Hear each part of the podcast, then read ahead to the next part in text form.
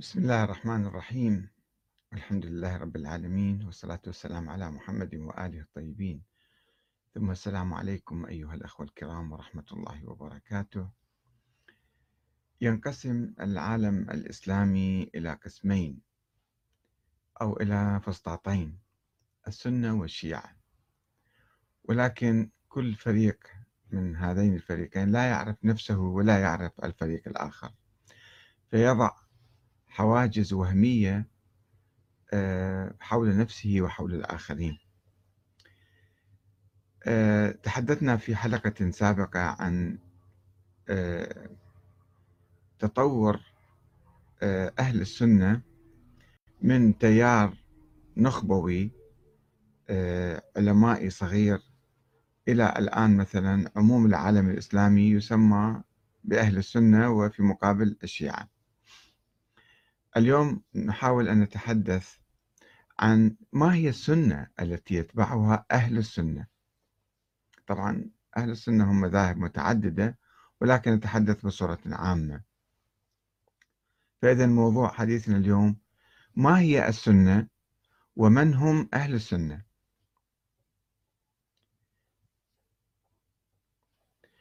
ما يهمنا الآن هو التوقف عند المقصود من مصطلح أهل السنة. والنسبة السنية عندما نقول هذا سني سني بالنسبة إلى ماذا؟ حتى نقول هذا سني وهذا غير سني مثلا. أم هي المصطلحات متداخلة؟ قد يكون الشيعة سنة وقد يكون السنة مثلا شيعة أو أو بعيدين عن السنة. وما هي النسبة السنية التي شكلت جوهر ذلك المذهب؟ هل هي السنة النبوية فقط أم سنة الشيخين أبي بكر وعمر وسنة الصحابة عموما بما يصلح لتمييز من يؤمن بها عن بقية المسلمين من الشيعة وغيرهم ممن لا يؤمن بسنة الشيخين والصحابة.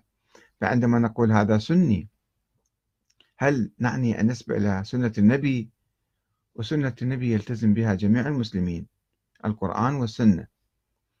ف هل يعنون بها سنة النبي أم سنة الشيخين وسنة الصحابة؟ ذلك لأنه إذا كان مفهوم أهل السنة يتطابق مع الإسلام الأولي والسنة النبوية فقط فلا يوجد مبرر لإطلاقه على مذهب خاص ولا مبرر للتخلي عن مصطلح المسلمين الذي ركز عليه القرآن الكريم في عدة آيات مثل ملة أبيكم إبراهيم هو سماكم المسلمين من قبل سورة الحج.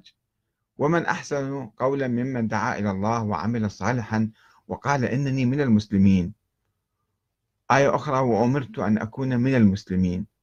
فالقرآن يركز على اسم المسلمين ولا يوجد فيه شيء اسمه أهل السنة. فلماذا اخترعنا هذا الاسم وميزنا بعض المسلمين عن بعض. متى نشأ إذن هذا المصطلح وماذا كان يعني؟ آه، أولا السنة النبوية. امتاز أهل السنة عن غيرهم من المسلمين باعتبارهم الأحاديث الواردة عن أن الرسول الأكرم صلى الله عليه وآله وسلم جزءا من السنة النبوية.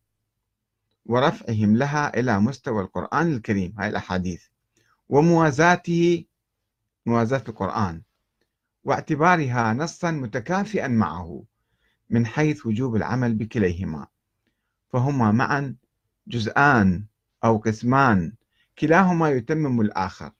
يعني أدنى السنة النبوية هي السنة العملية. المجمع عليها والمتفق عليها بين جميع المسلمين. ولكن هناك شيء آخر اسمه الأحاديث. اعتبار الأحاديث هي أيضا سنة. يعني وسعنا دائرة السنة النبوية. ويجمعهما معا يعني القرآن والسنة آه، اسم النصوص الموحى بها والتي يرجع إليها أولا في إثبات أحكام الشريعة. كما يقول الإمام أبو حامد الغزالي توفى سنة 505 هجرية في كتاب المستصفى من علوم الأصول. يقول قول رسول الله حجة لأنه لا ينطق عن الهوى إن هو إلا وحي يوحى. لكن بعض الوحي يتلى فيسمى كتابا وبعضه لا يتلى وهو السنة. في صفحة 120 جزء 2 ويقول أيضا أو يقال أيضا أن الكل من عند الله إن كلام الله واحد وليس بكلامين. أحدهما قرآن والآخر ليس بقرآن يعني أحاديث. والاختلاف بينهما بالعبارة فقط. فربما عبر الله بكلامه بلفظ منظوم يأمرنا بتلاوته فيسمى قرآنا. وربما عبر بلفظ غير منظوم فيسمى سنة يعني الأحاديث الموجودة. والكل مسموع